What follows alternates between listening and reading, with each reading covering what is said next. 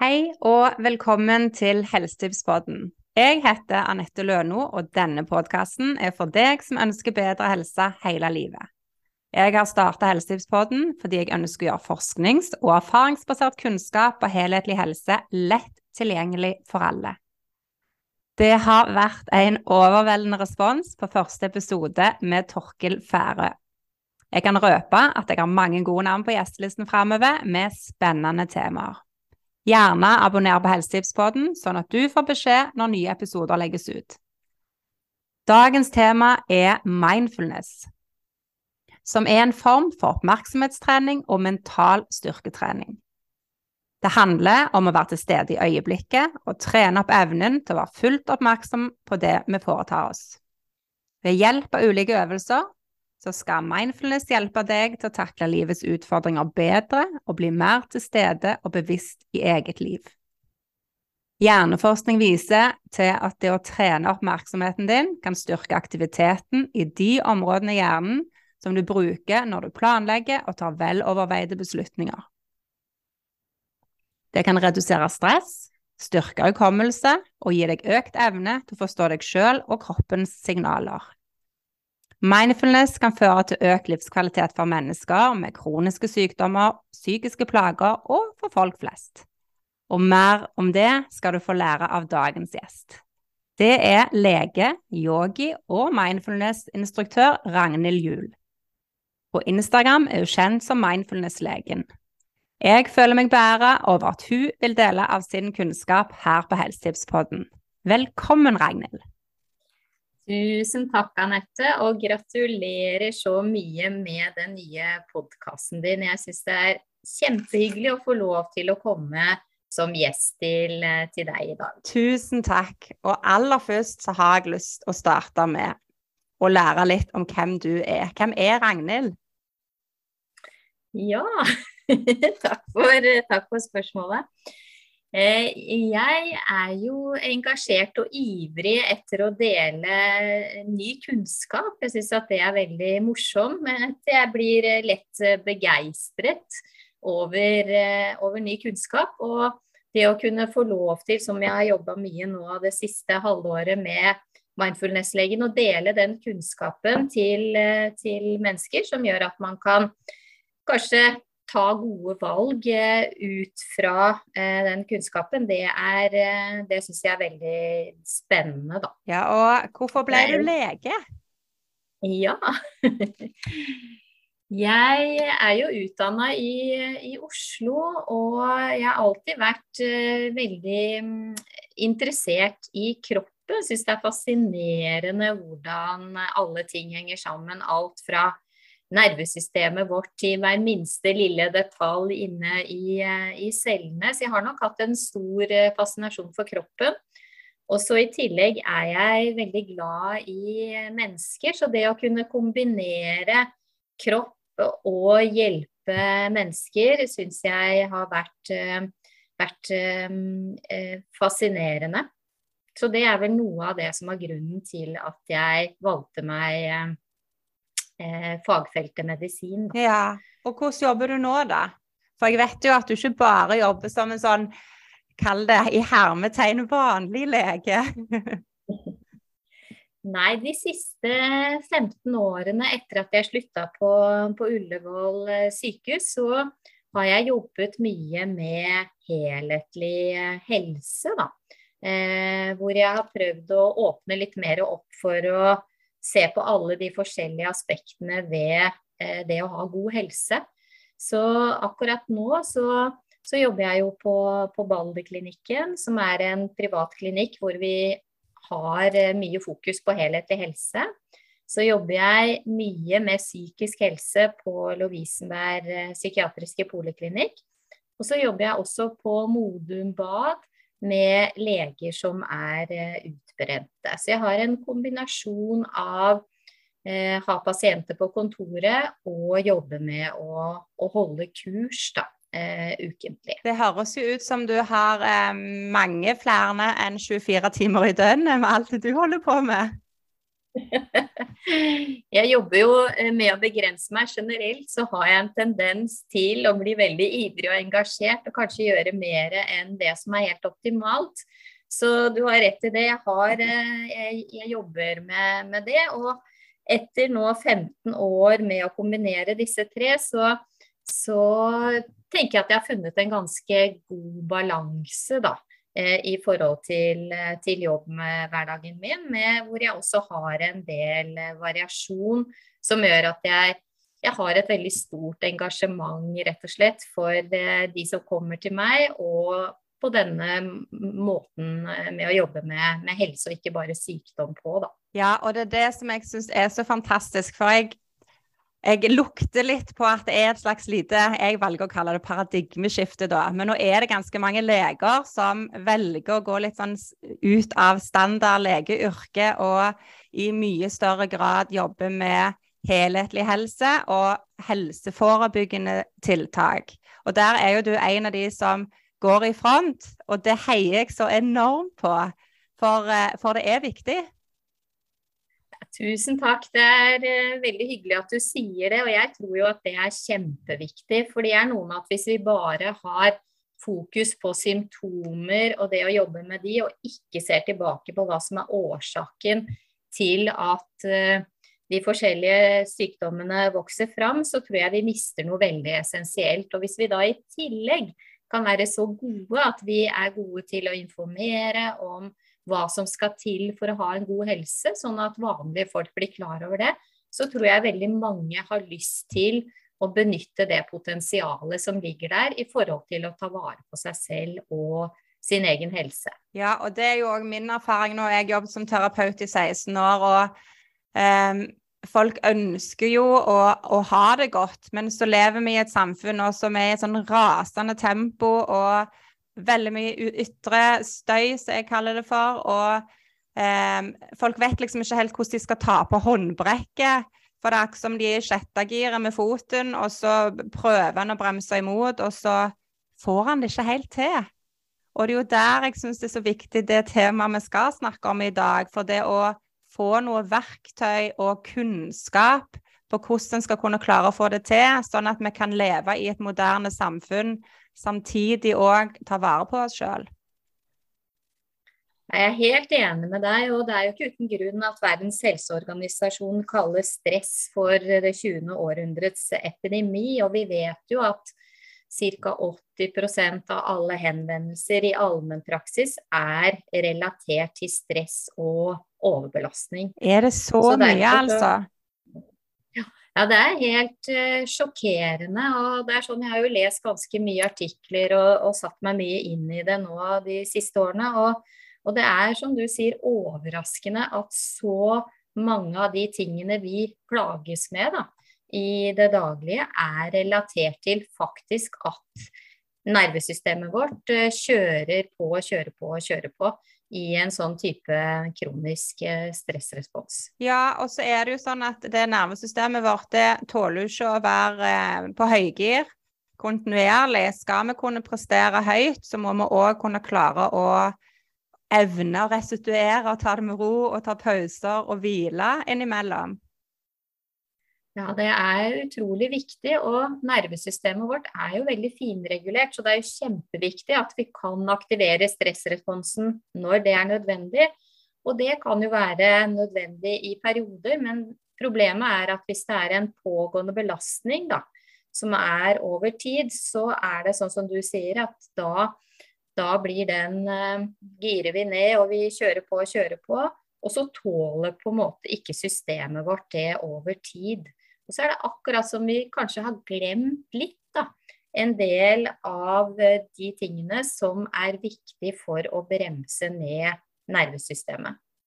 Ja, og så tror ikke jeg det kommer naturlig for folk heller. For det er at den bare, det er så mye vi må, og vi er så må-styrt i alle oppgaver og gjerne altfor mye å gjøre på jobb, og så skal det være aktiviteter på fritiden, og så står han på fra morgen til kveld, og så legger han seg ned for å sove, og så ja, sant? så er hodet på høygir, og kroppen dirrer, og ja. Um, så folk trenger hjelp. Mm, mm, nei, det er, det er, noe med du, sånn som du, du, sier, at det er akkurat som det er, en, det er noe vi har glemt, på en måte. Det å ha kontakt eh, med oss selv. Vi glemmer kanskje å ha kontakt med naturen også, som kan være en, en eh, viktig hjelper. Og veldig mange av oss kommer inn i en sånn type hamsterhjul eller en autopilot, hvor vi bare kjører på, kjører på, kjører på. Og så blir vi veldig mye i hodet. Eh, og vi kjenner lite etter hva vi egentlig trenger. Ja, og det, det å klare, ha evne til å klare å kjenne etter hva vi egentlig trenger, og ikke bare blir styrt av forventningene en gjerne sjøl har satt, og eh, omgivelsene og samfunnet, um, så trenger vi ro for å få tak i det. Um, og, og, i alle fall ja, det til nærvær og tilstedeværelse. Og det får meg jo da direkte over til, til mindfulness. Um, så tenker jeg kanskje om du har lyst til å ta oss med på en liten øvelse?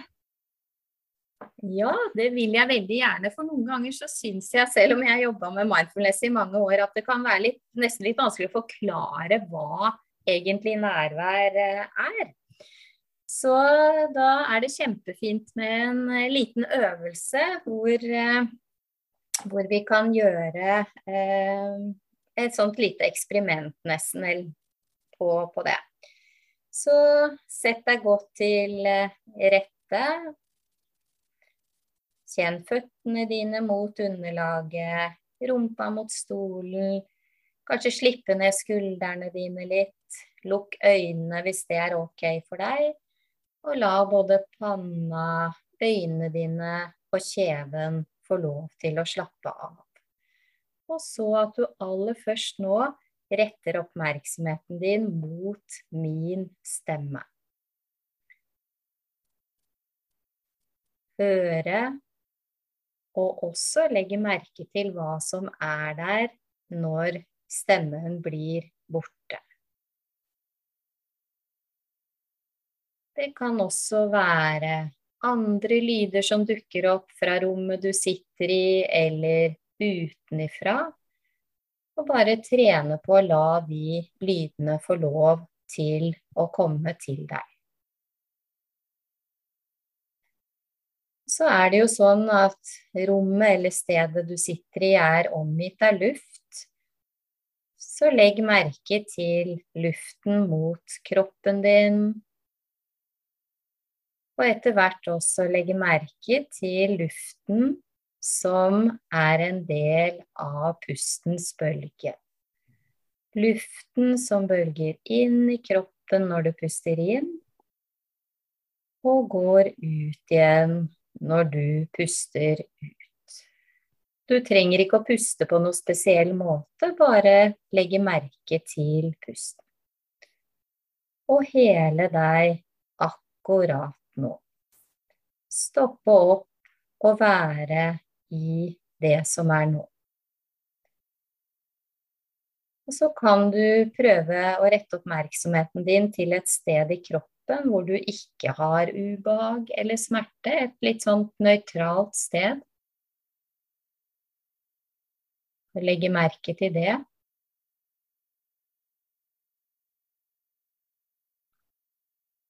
Samtidig er pusten der i bakgrunnen.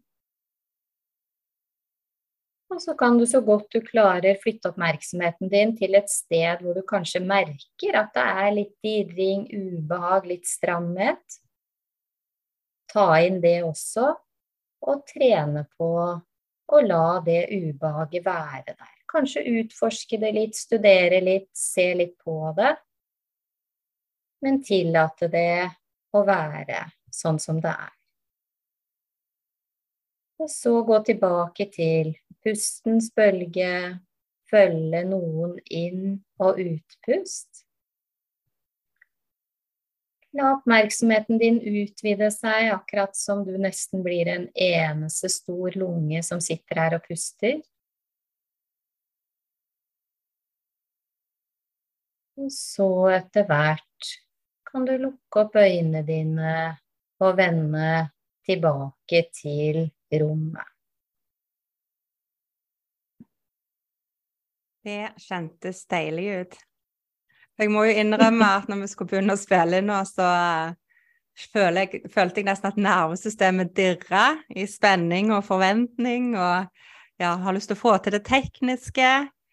Og bare denne lille runden her, så kjenner jeg jo bare at jeg, jeg eh, kjenner jeg sitter bedre med, med rumpa, og eh, ja, pulsen har gått ned, og kjenner et behag. Så takk for at du tok oss med på dette. Vær så god. Men det er spennende, Anette, de tingene du sier nå. For ofte så dytter vi jo ubehaget bort, eller vi legger ikke merke til det fordi vi bare fortsetter. Så du har jo lagt merke til mange spennende ting du nå underveis i den lille øvelsen, ikke sant. Med sånn som du sier, både ting fra kroppen din, var det mye du eh, la merke til i, i hodet når du gjorde øvelsen eh, nå? Ja, det var det som var så fint, for at alle tankene i hodet de skrur seg jo litt ned da, med en gang jeg eh, begynner å kjenne etter i, i kroppen. Så det ja. var, var, veldig fint. Og jeg ja, hører jo jeg snakker roligere òg nå. ja, ikke sant. For jeg merker jo også, for meg er det jo også en litt sånn ny situasjon det med å bli bli intervjua som vi gjør nå, så jeg også kunne kjenne litt på en sånn sitring eller hva skal jeg si, livsenergi nesten, eller noe som gikk i kroppen min. Litt stramme skuldre kjente jeg også. Eh, så, men jeg merka også veldig tydelig det der med å, å stoppe litt opp, at det kunne jeg eh, legge merke til at da roa kroppen min og hodet seg litt eh, ned. Og det tenker jeg er bra for resten av Ja, og så er jo det som er For vi skal jo ikke slutte å prestere, men det å ha et nervesystem som er robust, som tåler stress, men aller viktigst òg tenker jeg at det er fleksibelt. At vi kan gjøre det skiftet av å være i, i høy prestasjon og med en enkel øvelse som dette så får han et skifte over mer i, i en rotilstand da. Jeg er veldig enig, Anette. Og det er jo veldig viktig det med å si at poenget er jo ikke at vi bare skal være i ro hele tiden. Men nettopp som du sier, det å kunne trene seg på å ha et fleksibelt nervesystem, sånn at vi har muligheten også til å skifte over til den rolige delen, ikke sant? hvor vi restituerer, det er lettere for oss å sove, fordøyelsen blir bedre. Det kan være veldig viktig for mange, og særlig siden vi vet, som vi var innom i stad, at veldig mange sykdommer og lidelser er knytta opp mot overbelastning og stress. Hvilke sykdommer tenker du på da? Eh, jeg tenker på veldig mange sykdommer. Etter hvert så har det jo kommet en del forskning som viser at eh, stress og overbelastning øker tendensen til inflammasjon i kroppen. Og det er jo kommet mye ny forskning, som du og Torker snakket litt om forrige podkast også, mm. som viser at veldig mange sykdommer har inflammasjon som en, en fellesmarkør. Da. Alt fra psykiske sykdommer til irritabel tarm, hjerte-karsykdom, eh, blant annet. Så her ser det ut som at inflammasjon er et sånt felles eh, utgangspunkt eh, for dannelse av veldig mange av de kroniske sykdommene som vi plages mer og mer av i dagens samfunn. Og det er jo så interessant, fordi at det autonome nervesystemet er jo grovt sett delt i to. Og um, hovednerven i det parasympatiske nervesystemet som gir oss ro, restitusjon og reparasjon, er jo vagusnerven. Og i tillegg til at den har en viktig rolle der, så er jo det òg en hovedkommunikatør av bekjempelse av inflammasjon i kroppen. Sant? Og da får vi jo den forståelsen for at høy stressbelastning over tid kan medføre redusert vagusnervefunksjon, som gjør at vi ikke klarer å bekjempe inflammasjonene da. Og det da å kunne sette inn tiltak som gjør at en får økt vagusfunksjon og et mer fleksibelt nervesystem, vil jo kunne Ja, det som gjør meg opp, da, er jo at vi kan med denne forståelsen få retur på sykdom, som gjør at òg folk kan bli friske uten medisiner. Ja, det er helt fantastisk. Og jeg blir veldig sånn positiv eh, når du snakker om den vagusnerven, for den er jo vi glad i begge ja. to. Det er, eh, det er, noe med det. Og det er jo utrolig at vi faktisk ved å lære oss en del verktøy, da, så kan vi bli mye bedre alle sammen til å balansere nervesystemet vårt. Det er mye større sannsynlighet for at vi vil sove bedre, ha god energi og kunne mestre de dagligdagse utfordringene som vi står i som, som menneske. Da. Og da må vi jo over nå til hva er mindfulness? Ja. Så eh, mindfulness det handler om det motsatte av kronisk stress. Det handler om å være nærværende her og nå. Og når vi er stressa, så er hjernen vår ofte på vei til å planlegge ting som skal skje etterpå, eller vi grubler over ting som har vært. Så når vi jobber med mindfulness-trening, så trener vi på å la hjernen vår være på samme sted som kroppen. Vi jobber også veldig mye med en del holdninger som går på å være mer objektiv og nøytrale i forhold til det som pågår, både det som er bra og dårlig.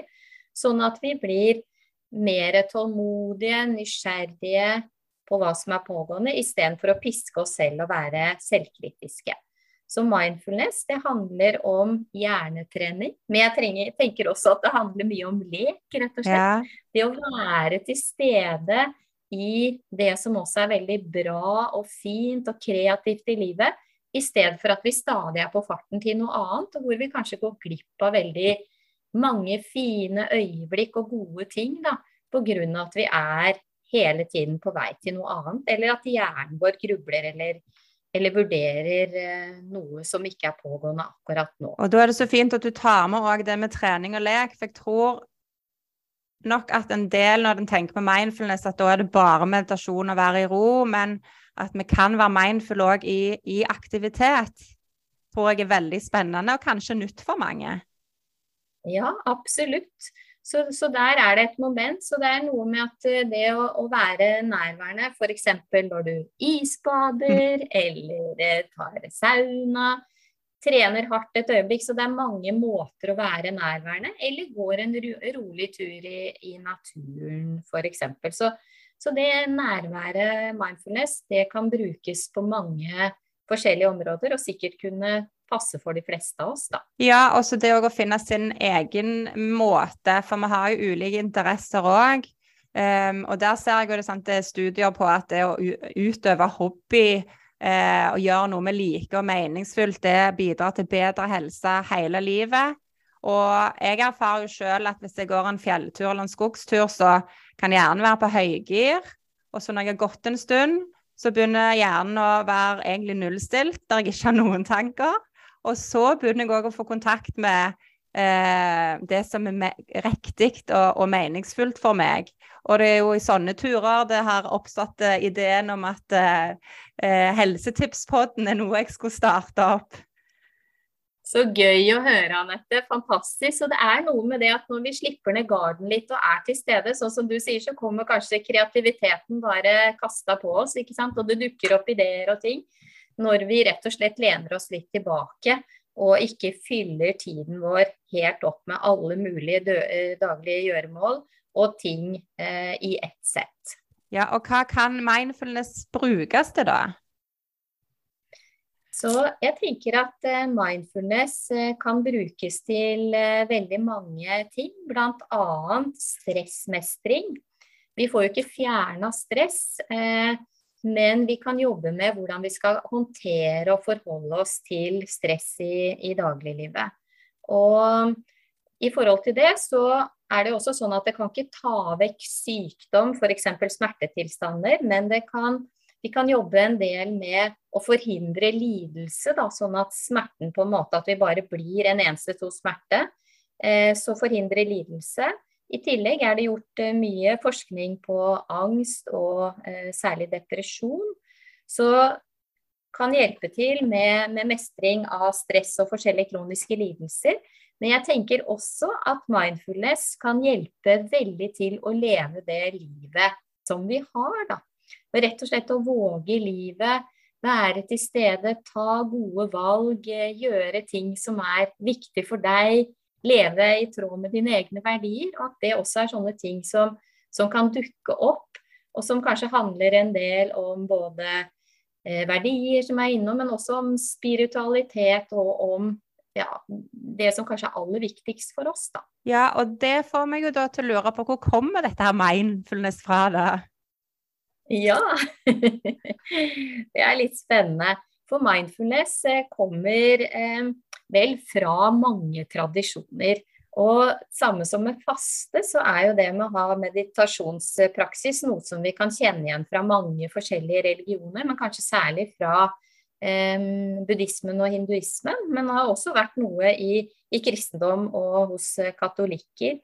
Men den formen som vi kjenner nå, da, som vi eh, praktiserer kurs på, på, sykehuset, er utviklet av eh, John Kabat-Zinn som eh, var ansatt på University of Massachusetts eh, Medical School.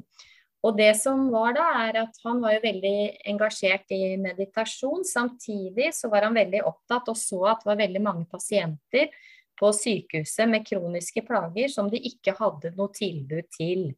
Så han kom i gang med forskningsprosjekter, og i, i 79 så Eh, ble klinikken der etablert, hvor de satte i gang stressmestringskurs for egentlig alle typer pasienter med kroniske plager.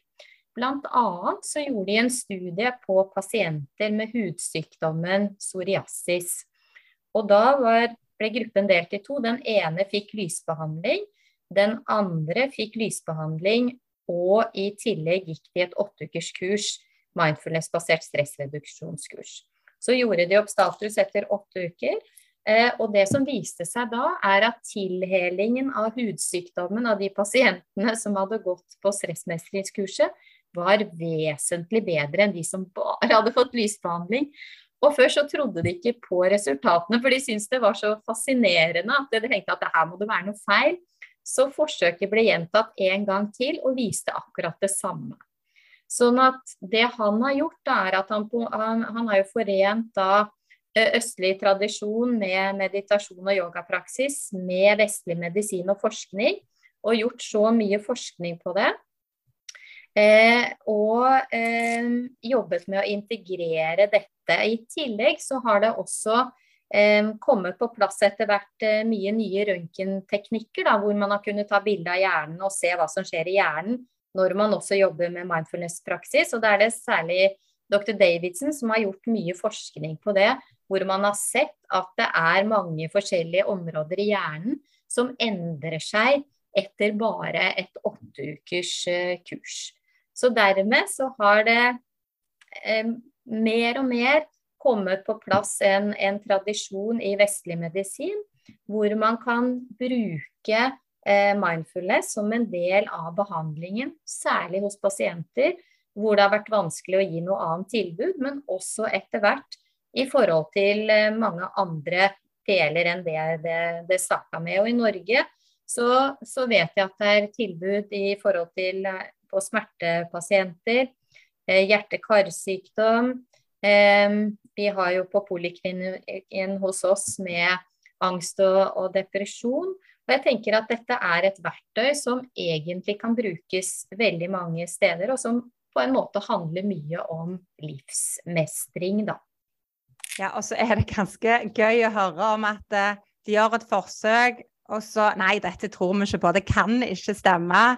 Og det er 44 år siden, og så føler jeg òg på et vis har, Det er bra vi har kommet langt, men jeg, eh, vi burde kommet lenger, tenker jeg. Dette her burde ja, vært innført i, på alle sykehus og, og sykehjem og Ja.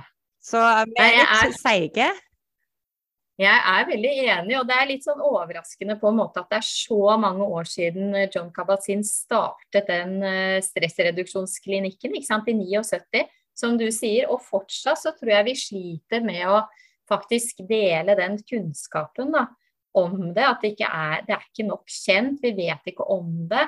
Eh, mange kjenner ikke til verktøy og tror kanskje, sånn som du sier, at eh, det er veldig annerledes og bare er noe som passer for noen, eh, noen få utvalgte. Da. Ja, og det er jo det som er så fint, for det, det passer jo for alle. Og det passer i forhold til alle, alle slags liv og hvordan, hva situasjoner en er i. Og jeg kan jo bare dele fra mitt liv nå når jeg er småbarnsmor, så uten det å bruke meditasjon og bevisst senke pusterytmen, så tror jeg neimen ikke hadde overlevd. Så jeg har virkelig fått testa det ut. Og jeg òg under fødsel. Da hadde jeg eh, eh, Brukte jeg bevisst det der å senke pusterytmen og senke skuldrene, slappe av i hender og skjeve. Og ikke bare senka det smertegraden, men det gjorde jo òg at jeg var mye mer til stede i fødselen. Så det var helt rått å prøve.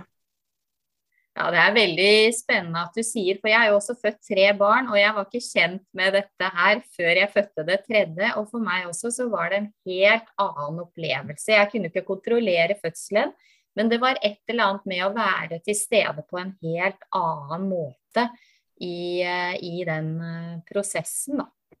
Ja, og så har jeg fått noen spørsmål fra noen av følgerne. Um, der er det ei som spør om du har forslag til meditasjon for oss som ser på Garmin-klokka at det skaper stress. Vil så gjerne få det til. Ja, ikke sant. Men så spennende vil jeg si til deg at du har lyst til å prøve å teste ut. Og jeg syns det er blitt veldig interessant nå i forhold til det som er min inngang med mindfulness, når det har kommet så mange nye målemetoder på plass med klokkene. Og hvor vi kan måle både HRV og body battery, ikke sant. Uh, se på søvn. Ja, og for de som da ikke har hørt forrige episode, så hør gjerne den òg, sånn at du forstår hva vi snakker om akkurat nå. ja, ja, takk Anette. Og det som kan, eh, kan, være en fin måte å, å, starte på, det er jo å starte med veldig eh, korte øvelser, da.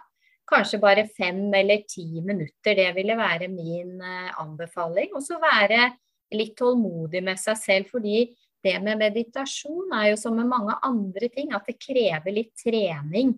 Så noen ganger så kan det være når vi gjør noe nytt, da, at det oppleves litt stressende, vi blir usikre på om vi gjør det riktig i starten, genererer en del tankevirksomhet.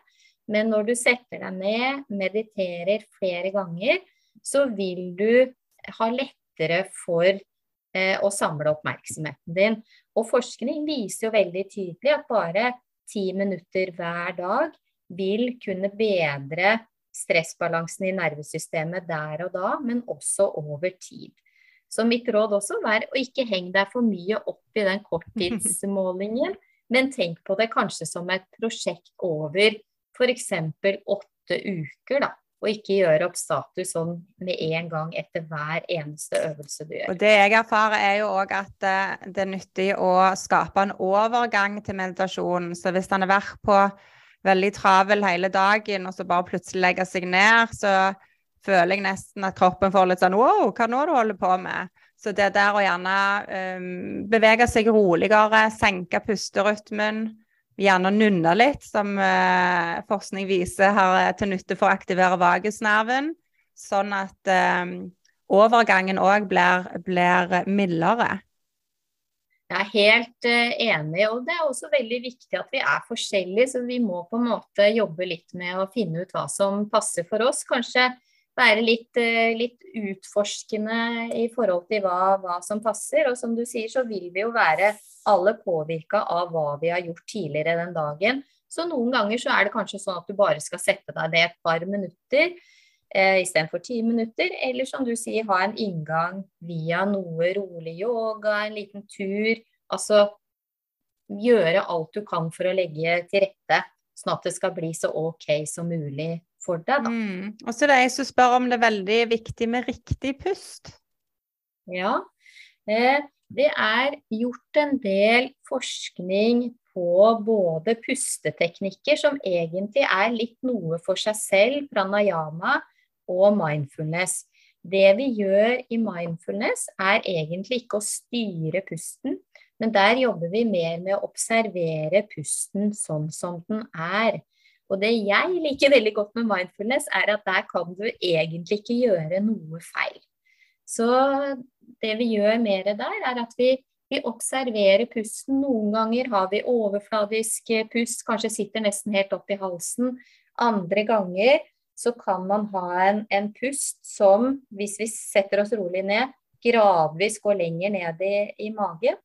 Eh, men det er ikke noe feil måte å puste på når du eh, driver med mindfulness. Nei, og jeg tenker til og med Jeg går jo en del på kurs med Audun Musja, og der har vi jo òg hatt pusteøvelser der vi puster veldig raskt. Og det òg er jo en mindfulness, for han får jo kontakt med noe. Um, ja. Men skal han roe ned, så vil jo det være viktigste være å, tenker jeg, å puste saktere. Ja. Så det er sånn som du sier, at hvis man har lyst til å jobbe litt med sånne eh, pusteøvelser, eh, så er det jo ofte det at man drar pusten, sånn som du sier, og puster langsommere. Mm. Og når vi gjør mindfulness-øvelser, så er erfaringen at når vi stopper opp, retter oppmerksomheten innover, så vil de fleste merke at automatisk så vil pusten bli litt dypere og lengre når vi setter oss rolig ned. Selv om vi ikke nødvendigvis går inn og styrer pusten, så er det noe som ofte skjer, da. Ja, og nå har jeg holdt på og målt eh, med ring og klokke i, i, et år, og det som er interessant å se, er jo at den, den pustens samsvarer med HRV-en og hvilepuls. Eh, ja, sånn at det er helt tydelig at det med, med pusten er i direkte kontakt med nervesystemet, som er jo så spennende. Ja. Det er kjempespennende, Anette. Og det er jo veldig interessant det sånn som du har gjort nå, når du har utforska så mye, sånn som du sier, med disse måleinstrumentene. Er det noe du har blitt veldig overraska over i forhold til det med pusten og, og sånn hos deg, når du har målt? Ja, eh, ja, altså kanskje ikke overraska, men jeg undrer meg jo mye i dette her, som er veldig spennende. Men det er helt klart at det å, spesielt på natt, å senke pusterytmen har eh, bidratt til at jeg kommer raskere inn i søvn. Uh, og jeg får mer dyp søvn. Så når jeg glemmer det ut, og det er jo Det skjer ikke lenger, for jeg har jo fått sett og erfart og kjent på kroppen hvor, hvor viktig det er. Så det er kanskje mitt beste tips. Hvis en skal begynne med det med å øve seg på pust, gjør det når du skal legge deg, for da skal du bare ligge der ja. uansett. Ja. Det er veldig fint, og det er jo noe vi gjør alle hver eneste dag. Det er jo faktisk å legge oss sånn som du sier. Så det, det syns jeg er et kjempe, kjempegodt eh, tips, eh, det du kom med nå. Og så er det ett spørsmål til som jeg syns er litt interessant, som jeg ikke vet helt om jeg har svaret på, men kanskje du har. Hvordan er det best å beskytte sin en, egen energi dersom en opplever å ta inn mye fra andre? Og her tenker jeg at mindfulness-metoder kan jo være veldig nyttig.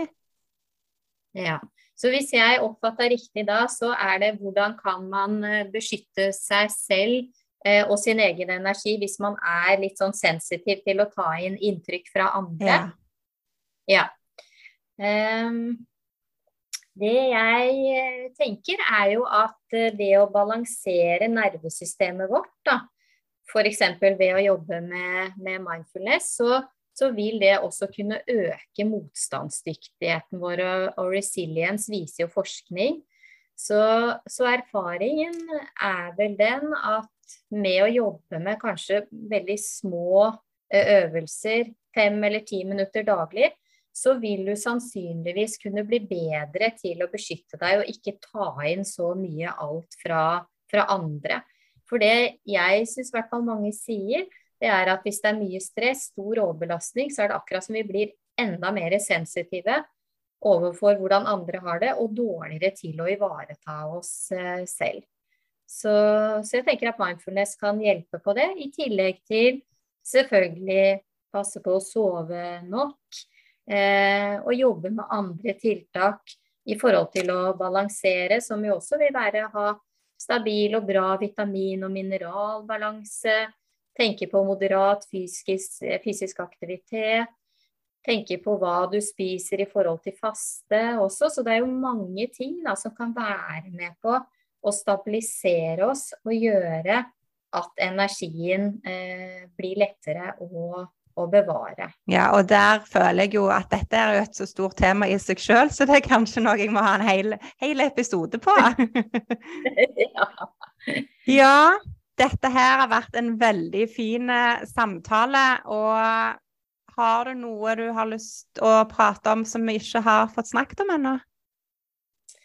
Eh, jeg har lyst til å si en siste ting, og det er at det er veldig viktig å tenke at det der med stress ikke er farlig, mm. Eh, og at det er bra for oss. Og at til og med så finnes det en del verktøy som vi kan bruke, som vi ofte kan kalle intermittent living, hvor vi i perioder faktisk helt bevisst utsetter kroppen for kort, kortvarig stress, såkalte hormetiske faktorer.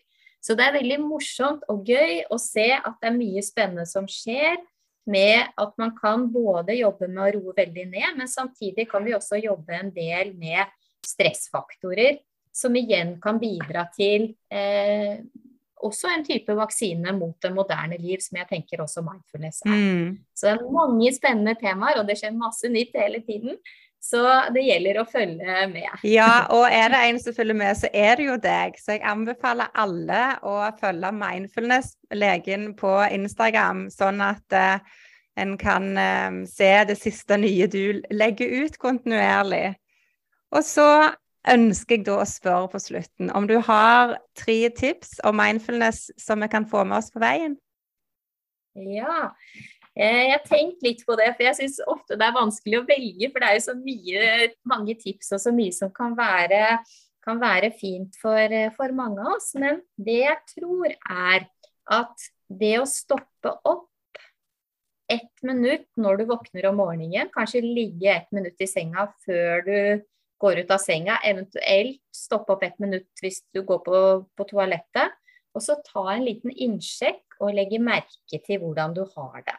Da vil du bedre kunne ivareta deg selv.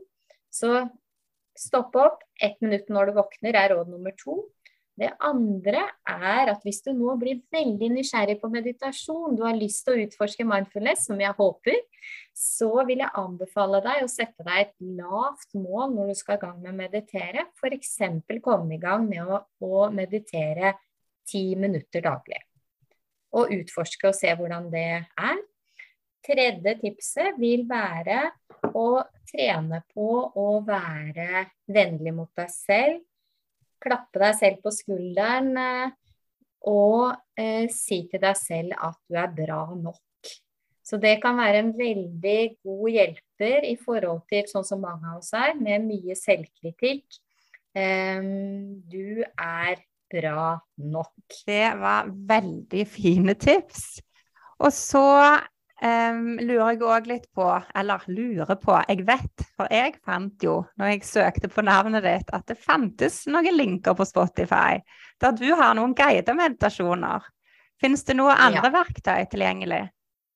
Ja, så, vi, så, det jeg har, som du sier, Anette, er at jeg har en CD som ligger på Spotify, det kan vi jo legge ut etterpå, ikke sant, som heter 'Mindfulness i øyeblikket', som vi pleier å bruke når jeg holder kurs på sykehuset.